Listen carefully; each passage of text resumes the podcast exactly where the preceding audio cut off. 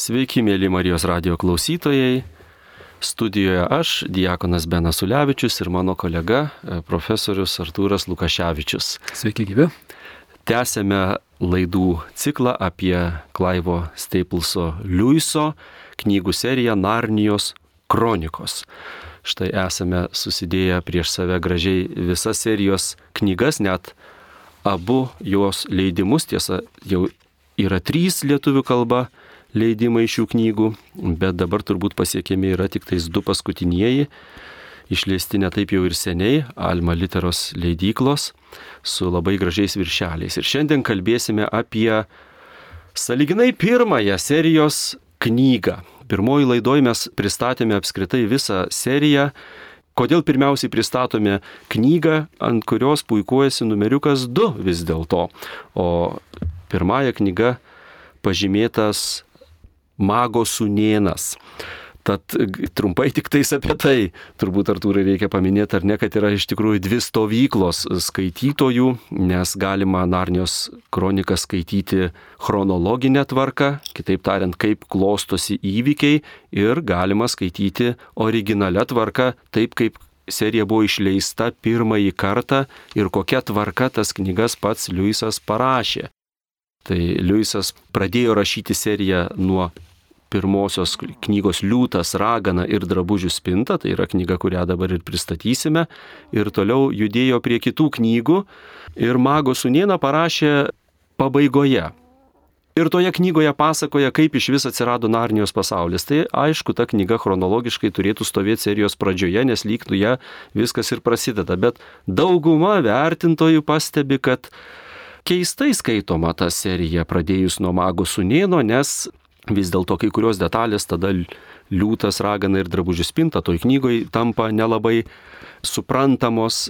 Bet tiesą sakant, mėly klausytojai, nenorim komplikuoti labai čia šito reikalo. Liujisas pats tikėjo, kad visą seriją galima skaityti nuo bet kurios knygos. Ir tas knygas galima skaityti kiekvieną ir atskirai.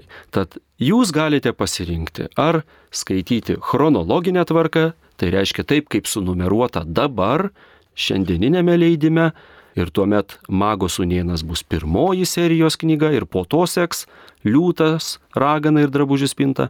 Ar skaityti seriją taip, kaip ji buvo parašyta. Liujisas parašė pirmąją knygą Liūtas, Ragana ir Drabužių spinta. Taigi mes pristatom šiandien šią knygą. Ir tikrai čia labai labai daug mislingų detalių, yra daug įvairių įdomių teorijų apie visą seriją. Štai kai kurie tyrinėtojai netgi atkreipė dėmesį, kad Liujisas buvo viduramžių ir renesanso pasaulyje žiūros profesionalas, ekspertas, e, taip pat ir kalbų ekspertas, lingvistas. Ir Galbūt jis šias septynias knygas susijęjo su septyniomis planetomis, kurios atrodė labai labai svarbios viduramžių pasaulyje žiūroje. Pavyzdžiui, sidabrinis krėslas lyg ir turi atributų, kurie siejasi su mėnuliu, nes yra pamišimo momentas ir išsivadavimas iš pamišimo, pavyzdžiui, yra karingoji knyga, lyg ir sėtusi su Marsu, e, knyga, kurioje be galo daug saulės, aušros užkariautojo kelionė ir sėtusi galbūt su saulė. Tad e, nėra galo, žinokit, pradėjus domėtis Narnijos kronikų serija, pasirodo, kad ji iš tikrųjų neišsemiamų lobių aruodas. Pažvelgus mitologiniu žvilgsniu, čia tikrai yra įtraukta daug įvairių kitų tautų mitų būtybių ir gražiai parodyta mums krikščionims be abejo tai svarbu ir be abejo gražu aktualu, kad visa pasaulio istorija ir pačios fantastiškiausios mūsų ilgesio variacijos gražiai apjungiamos po Aslano vėliava. Aslano tai yra Narnijos pasaulio, na, Kristaus. Tad Artūrai, apie ką ši knyga, apie ką knyga Liūtas, Ragana ir drabužių spinta ir tikrai keistas pavadinimas. Aš dar benai prieš eidamas link šitos knygos porą žodžių apie tą seriją. Aš nežinau tų visų teorijų skaitimo, aš ją nusipirkau ir skaičiau taip, kaip jinai parašyta, man labai patiko, aš kitaip ir neskaičiau, tai jeigu mūsų klausytojai truputį sunerimo dėl tų galimybių gausos, tai siūlau visiškai ramiai nusipirkus skaityti nuo pirmos arba nuo antros, kaip jums išeina, jos visos pakankamai gerai, reiškia, surėdytos, kad, kad gali stovėti kaip atskira knyga. Bet jeigu jūs skaitysite iš eilės, tai puikiausiai nuo pirmos skaitosi, aš ten jokių netitikimų nepastebėjau, man tikrai labai maloniai, bent tris kartus aš tą seriją esu perskaitęs, buvo puikus laikas skaitimo. Jo labiau, kad jūsų vaikai gali supykti, sakyti, tėti, mama ar galvoj negerai. Žiūrėkit, pirmą aiškiai pažymėta mano. Vaikai labai teisingi yra, turi būti tvarka, jie žino, kad turi būti tvarka ir, ir gali užprotestuoti. Taigi vis, visiškai dėl to nėra ne, ne, reikalo nerimauti. Ir aš dar noriu iš karto jūs įspėti, kad dabar jau neišvengiamai mes minėsime knygoje esančias siužeto detalės, veikėjus, tai jaunimas paprastai vadina tai spoileriais. Kitaip tariant, tai gali sugadinti jums skaitimą, jei norite surprizo, jei norite skaityti nežinodami, kas dar toje istorijoje jūsų laukia. Todėl pasirinkite, ar klausyti šią laidą jau perskaičius knygą, ar klausyti ją iš anksto ir tada skaityti knygą. Čia jau paliekame jūsų pasirinkimui. Aš vėl vienai kaip sakant, siūlau paklausyti laidą, esu turėjęs labai daug e, patirčių, kur, kur dėstytojas ar, ar, ar kažkas tai e, per radiją pristato knygą ir šiek tiek papasakoja apie ją. Man būna nuostabu vėliau pačiam skaityti, tą patį siužetą pamatyti kitaip, arba atpažinti užuominas, kuriuo aš būčiau nepamatęs, tas pristatytojas pastebėjo, tai irgi, jeigu jaučiate, kad jums trukdys, tai tada gal tikrai po, bet daugumai iš mūsų tikrai padės šitas supažindinimas prieš skaitant. Taigi knyga yra pasakojimas apie labai ypatingą ir netikėtą nuotykį.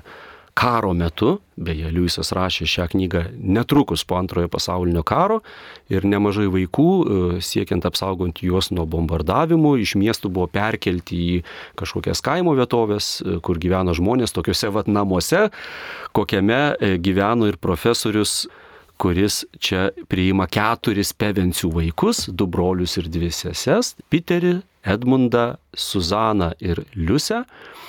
Ir tie vaikai atsiduria dideliam name ir jiem įdomu viską tyrinėti, jie staiga neturi ką veikti lietingą dieną ir randa ypatingą palėpę, ji nieko neipatinga, bet ten stovi spinta. Ir Liusė, žaidžiant slėpinių, patenka į tą spintą, jį užsidaro, neužsitrenkia. Ten nuolat pabrėžiamas toks labai praktiškas momentas, kad kaip neprotinga užsitrenkti spintoje. Matot, vaikai gali net sužinoti ir šitą praktišką, ar ne? Ir pasirodo, kad ta spinta veda į visiškai kitą pasaulį. Atrodo net ir keista, ar ne dabar, kai pasakoju, pro paltus sukabintus, pro įprastą spintos aplinkas, taiga patenki į nuostabų apsniktą žiemos pasaulį, kuriame pagrindinis akcentas priešais iškyla žibintas. Na štai ir toliau įvykiai taip ir klostosi. Pasirodo, kad tas pasaulis turi bėdą. Ta žiema yra dirbtinė žiema, galima sakyti. Nes viską yra užgrobusi baltoji ragana. Ir ta baltoji ragana e, laiko žiemą, bet neįsileidžia kalėdų. Čia toks įdomus momentas ir ji yra didelė tironė ir visi Narnijos gyventojai, nes tai yra ta šalis Narnija, kenčia nuo šitos baltosios raganos, jos vardas Džedise. Kas ten toliau, Artūrai? Nu, tai tas bendras siužetas toksai va, iš, iš antro pasaulinio karo aplinkos, vaikai papuola į visiškai kitą pasaulį ir tam pasaulyje ir vyksta e, tie pagrindiniai įvykiai. Siužetas yra biblinis yra, yra gėrio ir blogio susidūrimas ir žmogus turi užimti poziciją. Kokią poziciją jisai užims šitoje kovoje. Tie keturi vaikai pasidalina į dvi stovyklas. Du vaikai nežino, kas čia daro, kas čia vyksta, Suzana ir Edmundas, vyresniai vaikai, o du vaikai nežino, kas čia vyksta, tai yra Piteris ir Suzana, o Edmundas ir Liusė papuola, papuola tiesiog, tiesiog į gėrio ir blogio prieš priešos tokius, nu, kovą didžiulę. Ir mane sužavėjo Edmundo charakterį, reiškia, Edmundo personažas, kaip jisai, reiškia, irzlus jaunesnis sūnus. Jisai turi nuoskaudų, jisai, jisai savo jaunesnę, dar jaunesnę, jaunesnę seserį skriaužia. Nes atrodo, kad jį geležinė ranka lyg ir kontroliuoja Piteris, lyg ir atrodytų, jis turi Vyres, lyg, nu, nu, vyresnio brolius. Vyresnis brolius, reiškia, kaip sakant, jis natūraliai yra pranašesnis viskuo. Ir, ir reiškia, matosi, kad, kad Edmundo sieloje yra, yra nuoskaudų ir keršto planų, kurie laikui atėjus subujoja. Na nu, ir tai įvilkta į tokį nuotaikingą ir nuotikių pilną pasakojimą, kur, kuris bus įdomus ir, ir vaikams, ir saugusiems, visi ras peno savo. Ir ta visa knyga perskaitoma per, per Benas bandė skaityti, sakė, per šešias valandas yra įmanoma taip, tai vaikams gal lėčiau išės, bet, bet tikrai, tikrai vertas skaitimas ir praturtėsime visi. Ir be abejo labai svarbus veikėjas, e, apie kurį pradžioje išgirstame, yra Aslanas užjūrių imperatoriaus sunus, galingasis liūtas, kas man gražu buvo, kad apie Aslaną pirmą kartą išgirstam, tai jį vaikams pristato ponas Bebras ir Bebrė. Tai yra kalbantys Narnijos gyventojai, nes Narnija pasirodo yra taip kaip mūsų pasaulis sukurtas kalbantiems žmonėms ir yra kitokių būtybių, tai Narnija yra kalbančių žvėrių šalis ir ten yra ir kitokių būtybių. Ir Aslanas paminimas, Aslanas liūtas, bet vaikai to nežino. Ir įdomu, va tas vien vardo paminėjimas, jis labai skirtingai rezonuoja tuose vaikuose ir per visas Narnijos knygas tai tęsiasi, reiškia susidūrus su tuo Aslanu, o tai yra grinasis gėris, ar ne, jis yra auksų žėrintis didysis liūtas. Vieniems kelia pagarbę baimę, kuri labai gražiai aprašyta, kartu su didelė, didelė meilė, o kitiem kelia šaltį ir siaubą ir, ir jie nori trauktis jo dažniausiai, dažniausiai tamsios sielos, sakykime, būtybės. Ir staiga tokios gražios detalės, vaikai nustembo, tai kas jis yra, kas jis yra, sako. Ir bebrai sako, jis yra žvėrių valdovas kas tai galėtų būti. Negi jūs nežinot, kas žvėrių karalius, ar ne? Ir tai irgi šiek tiek apie vaikus, kurie staiga pamiršo, kas yra pasakos, jie nežino, kas yra drakonai, kas yra žvėrių karalius. Ir Liusas dažnai paminė tokį, jeigu Eustacijus būtų skaitęs pasakas, jis būtų žinojęs, kad drakonas mėgsta tą ir tą ir elgesi taip, bet Eustacijus skaitė tik tais techninės knygas ir pasakomis niekada nesidomėjo, čia yra iš kitos knygos. Ir čia panašiai, kasgi žvėrių karalius, be abejo, tai yra liūtas. Jis yra labai tikras liūtas, e, bet e, jis kartu yra ir superliūtas. Jis yra tokios didybės ir tokio grožio, kad jame yra ir kažkas virš pasauliško tokio. Tai čia galim matyti turbūt, ar ne, Artūrai, aluzija į Kristų, kuris tikrų tikriausias žmogus, moka ir kentėti, ir, ir trapus, bet kartu jis atsimaino ant kalno ir pasirodo, kad jis yra daugiau negu žmogus. Tai štai Narnijos pasaulyje e, Dievas taptų kalbančių žvėrimi. Taip kaip mūsų pasaulyje tapo žmogumi, tai kalbantiems žvėrim jis ateina, kad su jais kalbėtųsi ir būtų toks kaip jis. Žvėrių kalba. Taip. Jo, vienareikšmiškai Aslanas yra, yra Kristaus provaizdis. Tikrai, baltoji burtininkė Džedisė yra šietono provaizdis. Tarp jų vyksta kova ir Benai paminėjai tą Liuiso, tą, jeigu, jeigu Stacijus būtų skaitęs pasakas būtų žinojęs. Labai svarbi aluzija yra. Liusas rašė prieš 70 metų. Šiandien dienai vaikų padėtis pablogėjo, nepagerėjo. Dauguma vaikų ne, net, neturi tų pagrindų, kuriuos, tokių, nu tikrai pasaulyje žinių pagrindų, kuriuos, kuriuos geri pasakojimai sukala, sudeda tos pagrindus tame tarp ir pasakos. Ir dabar visų tų TikTokų ir YouTube'ų ir, ir Messengerių pasaulyje vaikai yra dar labiau nuskurdinti. Ir jiems reikia vėl iš naujo sudėti tuos pagrindus ir šitą serija knygų, kaip jau pirmojo laido minėjome, yra nu, be galo vertinga šiuo klausimu.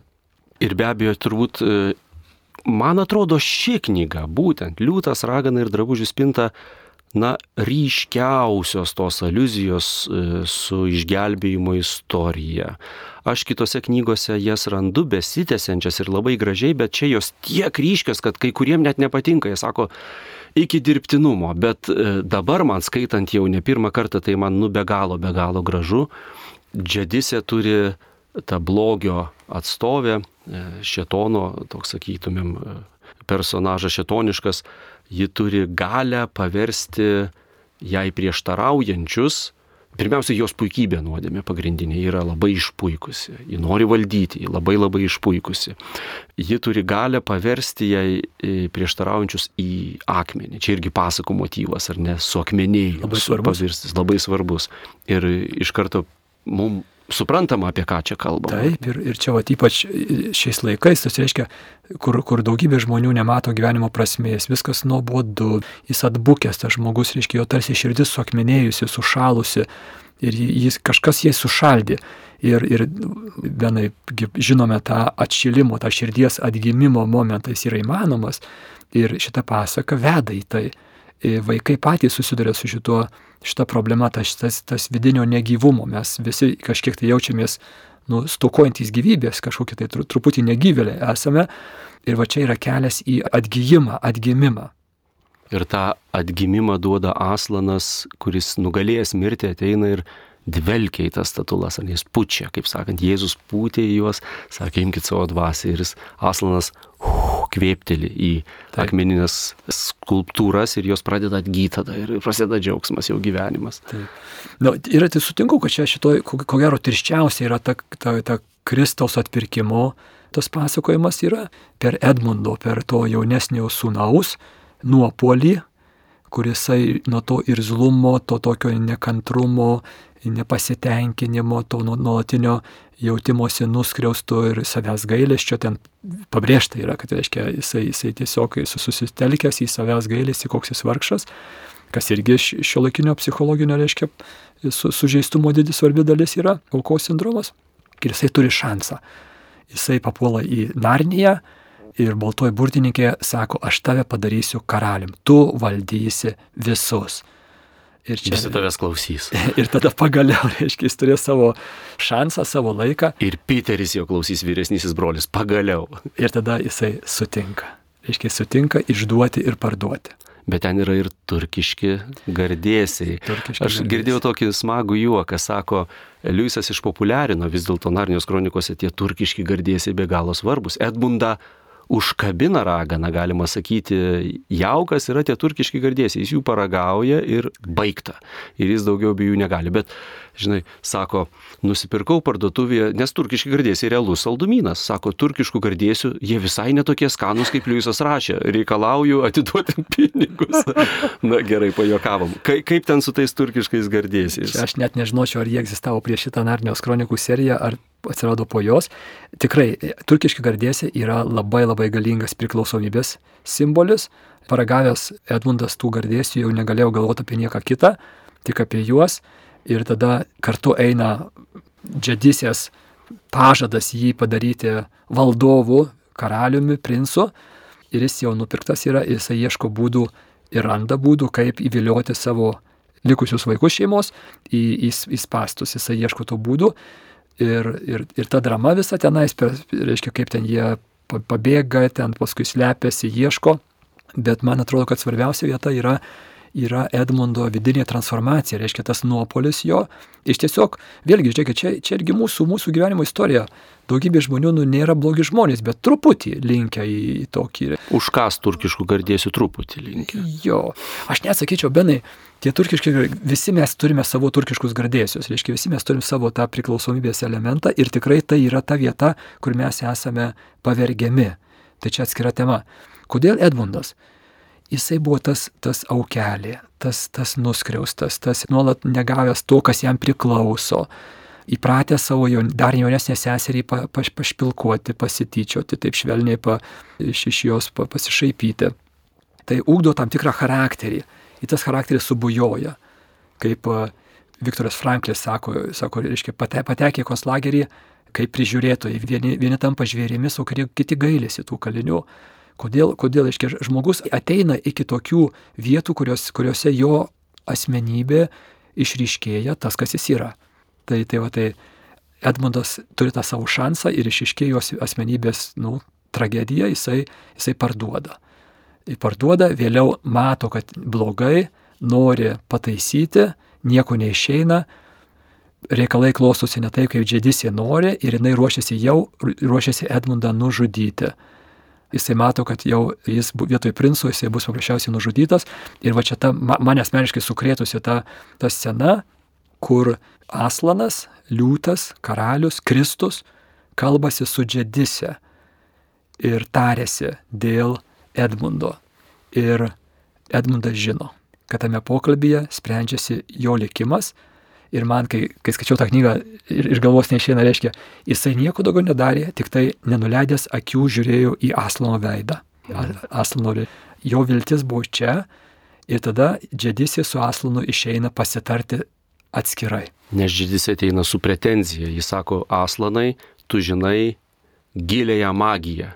Kitaip tariant, gilėją tvarką. Tvarką, tai principą, Taip. kuriuo remiasi šita visa narnija. Taip. Kiekvienas išdavikas yra mano. Taip. Ir tu neturi teisės į jį. Ir jie ateina, ką aslanai dabar darysi. Aš atėjau reikalaut, Edmundas mano. Taip. Koks Pagal tavo, aslanai paties sukurtą tvarką, Taip. tu pats ją gerai žinai, Edmundas priklauso man. Pasirinkęs blogį priklauso blogio įsikūnymui. Mhm. Ir Aslanas neprieštarauja, nes jisai žino, kad tai yra tiesa šitoje vietoje. Čia yra ta Lyso vadinamoji lietuviškai išversta e, gilioji magija. Lietuviškai verčia galingoji magija. Galingoji, galingoji magija. Galinga magija. Dabar vėlgi mes, kaip sakant, katalikai, krikščionys galėtume truputį sunerimti dėl žodžio magija, kurio nemažai yra Narnijos kronikos. Tas žodis naudojamas. Šiuo atveju reikėtų, čia tikrai, čia tik tai žodžių, nu, kaip sakant, pats žodis yra toks naudojamas, jo tikrasis atitikmuo teologiškai būtų Tomo Kviniečio am, amžinoji tvarka. Tomas Akvinietis, kalbėdamas apie kurėjo suteiktą pavydalą visai kūrinyjei, tiek materialiai kūrinyjei, tiek dvasiniai kūrinyjei, jisai naudoja terminą amžinasis įstatymas arba amžinoji tvarka. Tai yra, kad viskas, kas sukurta, yra sukurta taip, o ne kitaip. Turi tokius dėsningumus, o ne kitokius dėsningumus. Tai va čia tas, tas aišku, Liusas nenaudoja teologinių terminų, jisai naudoja pasakų siužetus, naudoja žodį magija, bet iš esmės yra tas, tas pats atitikmuo. Ir labai paprastai galėtumėm sakyti, kad mes visi gaunam savo pasirinkimų pasiekmes ir Edmunda ištinka jo pasirinkimų. Jo, tai čia jau tolesnis. Taip, tolesnis elementas, tai yra, tai yra, reiškia, pagal tą tą katalikiškąją netgi šiuo atveju sampratą, žmogus turėdamas laisvą valią, jisai renkasi ir jisai, jisai gaus savo pasirinkimo pasiekmes. Negi vėl čia. Atpildas už nuodėmę mirtis. Taip, ir, ir čia vėlgi didelė atskira tema, kurią galbūt nenukrypsime, bet iš, iš esmės nuodėmė ir nubaudžia save nusidėjėlis. Dievas tiesiogiai nėra tas, kuris kažkaip tai kerštingai dabar čia baustų už nu, nusidėlį. Mūsų paties blogio, blogo pasirinkimo pasiekmės ir nubaudžia mus. Tas dramatiškas momentas, kai džedisė kalbasi, nueina atskirai kalbėtis su Aslanu ir visi, visi įsitempia be galo. Abi, abi stovyklos džedisės šalininkai ir Aslano šalininkai įsitempia, kaip čia gali būti, kas čia ga, gali būti per pokalbis. Ir iš to pokalbio džedisė sugrįžta patenkinta, o Aslanas nuliūdęs. Ir Džedisė paleidžia Edmundą. Kokiu pagrindu? Nes pasaulio tvarka, kūrinijos tvarka yra tokia, kad Edmundas jai esmiškai priklauso. Kitaip negali būti. Čia taip Narnija tiesiog paskęs vandenyje ir ugnyje, sako, tiesiog viskas taip, pasileis į šalis. Jeigu tu ištrauki šitą kūrį, va čia irgi mums labai svarbus, svarbus, svarbus dalykas e, šiandien supras, tokia tvarka yra taip surėdyti dalykai, užlipęs ant grėblio gausi į kaktą, nelipk ant grėblio. Tai Edmundas užlipo ant grėblio ir rezultatas yra tai, kad jis priklauso blogiui, blogio karalystė. Nėra kito šanso. Paaiškėja, šansas yra Jeigu šitą smūgį prisims pats kuriejas, tai tada kūrinys Edmundas to smūgio išvengs. Kitaip sakant, kuriejas, į kurį sueina visi siūlai, raiščiai tos tvarkos, jį sueina, iš jo išėjo ir jį sueina. Jeigu dabar ta tvarka būtų pažeista, tai tada viskas suyra, visa narnija žūva. Nėra kitos galimybės, kaip turi tvarka įvykti. Nebent jeigu kuriejas prisims atsakomybę, prisims smūgį, prisims nebūtį ant savęs ir perkurs iš naujo. Ir šiuo atveju įvyksta Edmundo perkūrimas iš naujo. Ir jis tą perkūrimą taip pat turi priimti arba nepriimti, jis priima. Ir va čia tas, tas didysis Edmundo mane sužavėjęs tas atsivertimas, jisai pamato kainą ir tą kainą priima. Aš pridursiu tik, kas man irgi labai didelį įspūdį čia padarė, apie Edmundą kalbant, kad e, jis skaitų turkiškų gardėsių užvalgęs, sako pas e, poną ir ponę Bebrę, ten taip gražiai prašyta, kaip skaniai jie valgo vakarinę žuvį tą keptą ir kaip yra gardu, bet Edmundas valgo it atbulais dantim, nes kartą nes niekas taip nepagadina gero maisto, sako Liujisas, kaip blogas užburtas maistas. Kitaip tariant, nuodėmė sugadina tavo viso gyvenimo džiaugsmus, jį iškreipia tavo vertinimą, suvokimą, kas yra malonu, kas nemalonu, kas gera, tu pradedi siekti dalykų, kurie iš tikrųjų tave greuna ir nesugebi netgi rinktis to, kas tikrai teikia džiaugsmą. Ir gražiai e, sako Edmundas, bebrų ir atrodė kaip tas, kuris sutiko baltąją raganą ir ragavo jos maisto. Tai reiškia, tas žmogus jau, jau keičiasi taip ir, ir ta Edmundo transformacija iš tikrųjų ištinka jį, kai jis pasiekia dugną. Jis sušalęs, jis alkanas, jau baltoji ragana neapsimeta jo draugė, yra žiauri, jis gauna ten baisiai prastą tą duoną kažkokią sprangę ir jis galiausiai yra visiškai išardytas, galima sakyti, pasiekęs dugną, bejėgis, e, nevertingas ir kažkaip e, įvyksta jo nusižeminimas, tiesą sakant, jo puikybė sudaužyta ir, ir kaip minėjai, tikrai tas kad jis išmoksta žiūrėti jau ne į save, bet į aslaną, nes jis neturi įsigelbėjimo savyje, nei kažkur kitur. Niekam jis turėtų būti neįdomus kaip išdavikas, ar ne? Ir aslanas yra jo šansas, tikrai labai labai galinga. Ta scena, kur Tikrai labai rimta aluzija, akmeninis stalas, e, aišku, primena aukos altorių su ten labai gražiais aprašymais, įspūdingais, kaip, kaip senas tas stalas, kokie ten yra paslaptingi rašmenys ant jo ir taip toliau. Ir, ir Aslanas, e, aišku, eina nuliūdęs prie to stalo ir ten naktį susirinkę na, visi, sakykime, pragariškos tamsos būtybės ir jos vardyjamos daug apie jas mes nesužinome, bet tai yra įspūdinga, nes kai kurių žodžių mes net nesuprantam. Tai yra ir vilkolakiai, ir kažkokios laumės, ir vaiduokliai, ir kapknisos, ir na, kažkokie tu jauti tą košmariškumą vien iš pristatymo to pulko keiščiausių, baisiausių sutvėrimų, kurie susirinkę krykštauja iš džiaugsmo, kad pagaliau didžioji katė dabar bus mūsų, jie tyčiojasi, jie suriša aslaną Ir jis leidžiasi, jis leidžiasi, nors jis galėtų vienu savo urkstelėjimu juos ištaškyti iš šalis, bet jis nuolankus, jis leidžiasi. Taip, ir mums aišku, mes žinom apie ką čia. Giliausiai tvarka įvyktų, jisai pasiaukoja už kūrinį, vėl čia visiška mhm. kristologija, soteriologija, jisai leidžia, kad tas blogio smūgis kristų ne į Edmundą, kuris visiškai teisėtai priklauso jam Edmundui, kristų į jį ir jisai leidžiasi tų visų tas, ta scena, kur tu sakė ten su tom kapnisom ir tais vilkolakiais, primena garsiuosius viduramžių bošo paveikslus, kai Kristaus nuteisimas ir mes matom tuose veiduose šalia esančių žmonių visus, visas tas nuodėmės, tie bailiai, kurie rado savo momentą dabar išlieti pykti ir tie visi pataikūnai, ir tie garbėtroškos, ir pasipūtėliai, ir visi, visi jie aplink Kristų sustoja, kiekvienas pjauna, kiekvienas smogia savo, savo smūgį.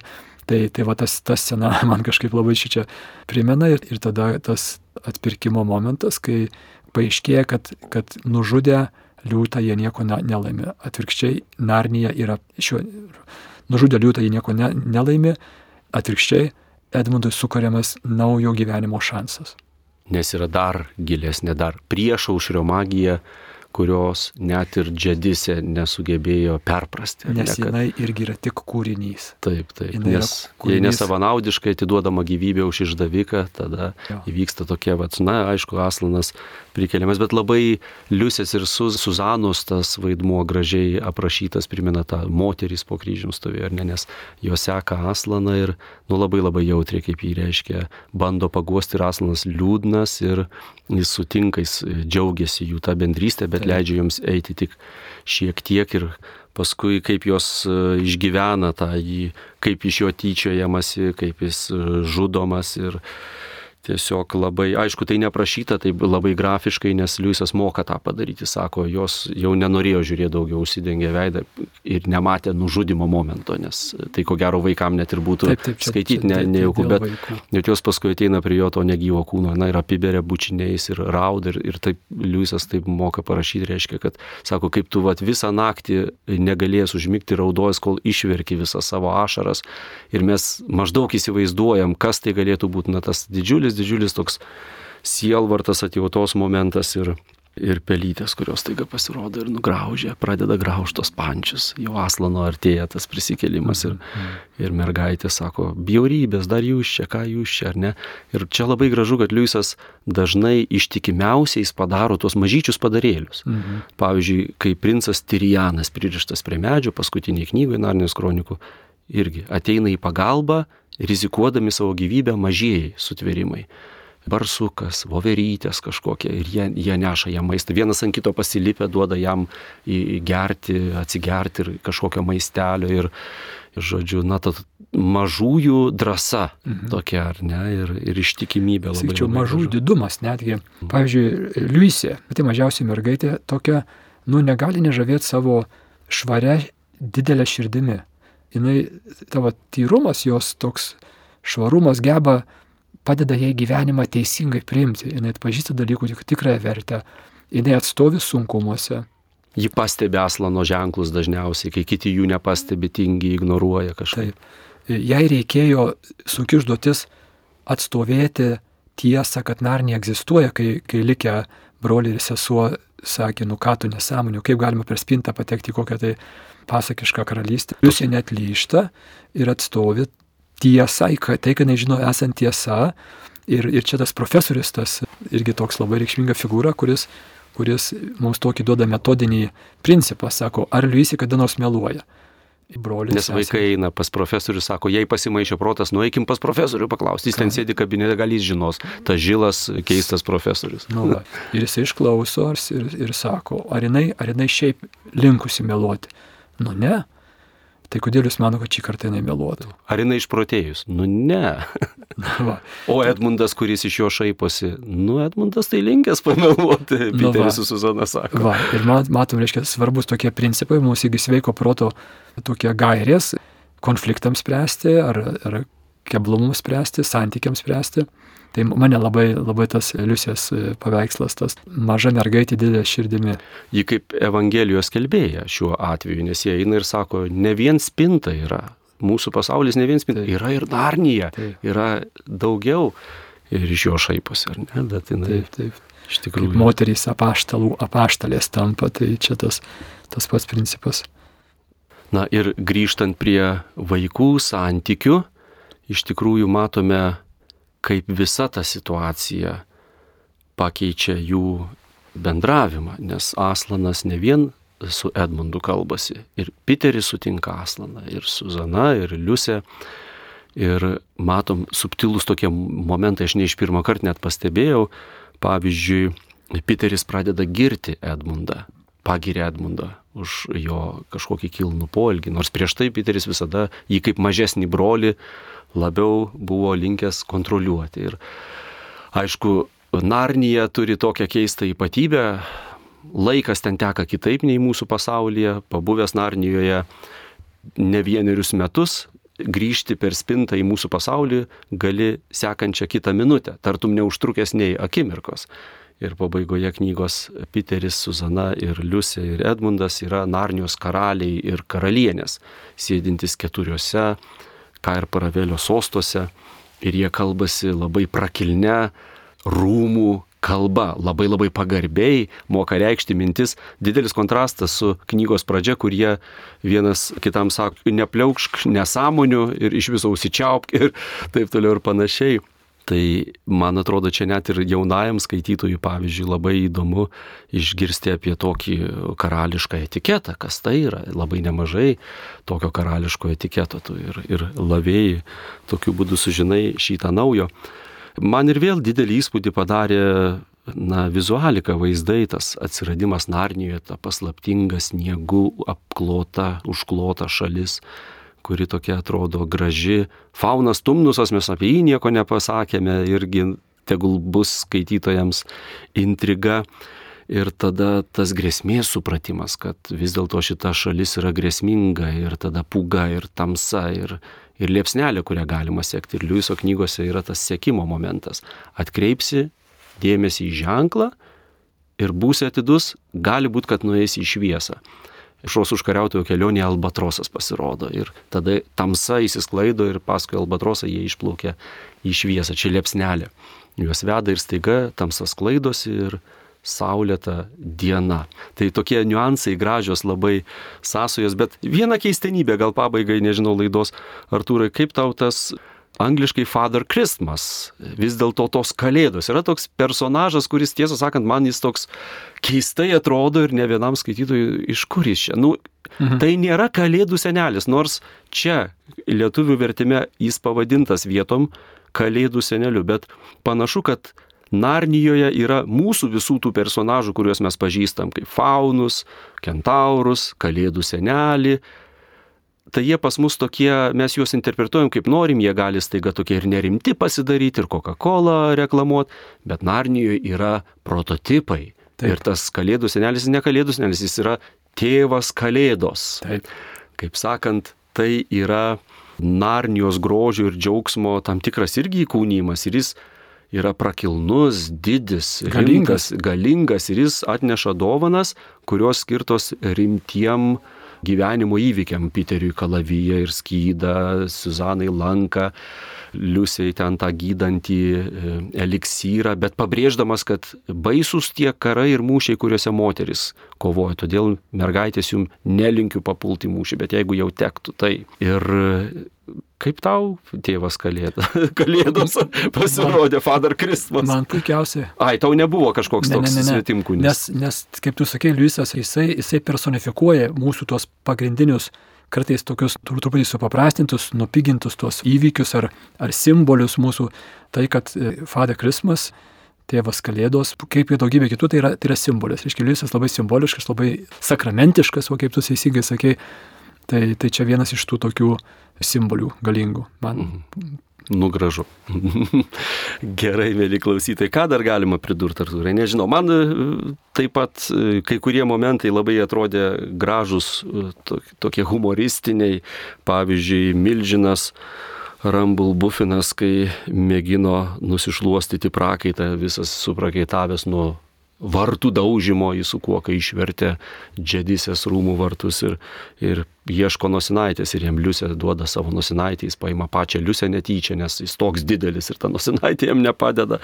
Arba kaip akmeninis liūtas Aslano atgaivintas išgirdęs Aslanas, kaip sako, dabar mes veršimės, lėksime į kovą ir e, jūs leopardai ir ten e, bėkit su mumis liūtais ir tas akmeninis liūtas, tai ką sako, jis kaip šunytis laigo aplinkui, ar girdėjot, ar girdėjot, jis pasakė, su mumis liūtais, su liūtais su mumis. Ir tu matai jo tą pasididžiavimą, kad aš tapatybės, tapatybės, tapatybės klausimas, reiškia, jos, jos savivertė ir tapatybė, kas aš esu, aš esu vienas iš Taip. tos giminės liūtų. Ir vienas iš gražiausių vaizdų, taip jau laikoma vienu iš gražiausių vaizdų, tas e, Liusės ir Suzan, Suzanos jojimas ant Aslano nugaros, nes Aslanas sako, dabar mes lėksime, nes vyksta mūšis ir jis prisikėlęs jau ir baltai raganai jau čia bus baigta. Ir Liusė su Suzana sėdasi jam ant nugaros ir, ir jis krieja per Narniją ir dažnai vaizduojami piešiniais šitie momentai, kaip jis, reiškia, minkštomis letenomis ir tai kaip žaibas lekia ten ir labai gražu, maždaug tai skrydis toks yra, nu, nugalėjus nuodėmę ir iš tikrųjų Edmundo ta pergalė Aslano dėka tokia irgi labai jaudinanti, nes, nu, galima sakyti, iš tikrųjų, kuo didesnis nusidėjėlis, Edmundas tampa šaunių vyrų, jis yra gynėjas, pats vardas reiškia gynėja. Ir nuo to laiko jis daug žygdarbį vėliau padaro kitose knygose serijos. Kągi, mėly klausytojai, tikėkime, kad neišvarginom jūsų savo pasidalinimu apie Liuiso knygą Liūtas ragana ir drabužių spinta, knyga, kurią galima pradėti Narnijos kronikų serijos skaitimą, jeigu rinksitės pradėti nuo šios knygos, bet kaip sakėme, galima ir nuo mago sunieno. Ir vilėmės, kad susitiksime su jumis kitoje laidoje, kurioje aptarsime kitą serijos knygą, kai susitiksime ir išgirsite kurią. Na, o laidoje kalbėjomės aš, Diekonas Benas Ulevičius ir profesorius Artūras Lukaševičius. Taigi su Dievu, ačiū, likite su Dievu, su Marijos radiju ir su Narnijos kronikom. Viso geriausio.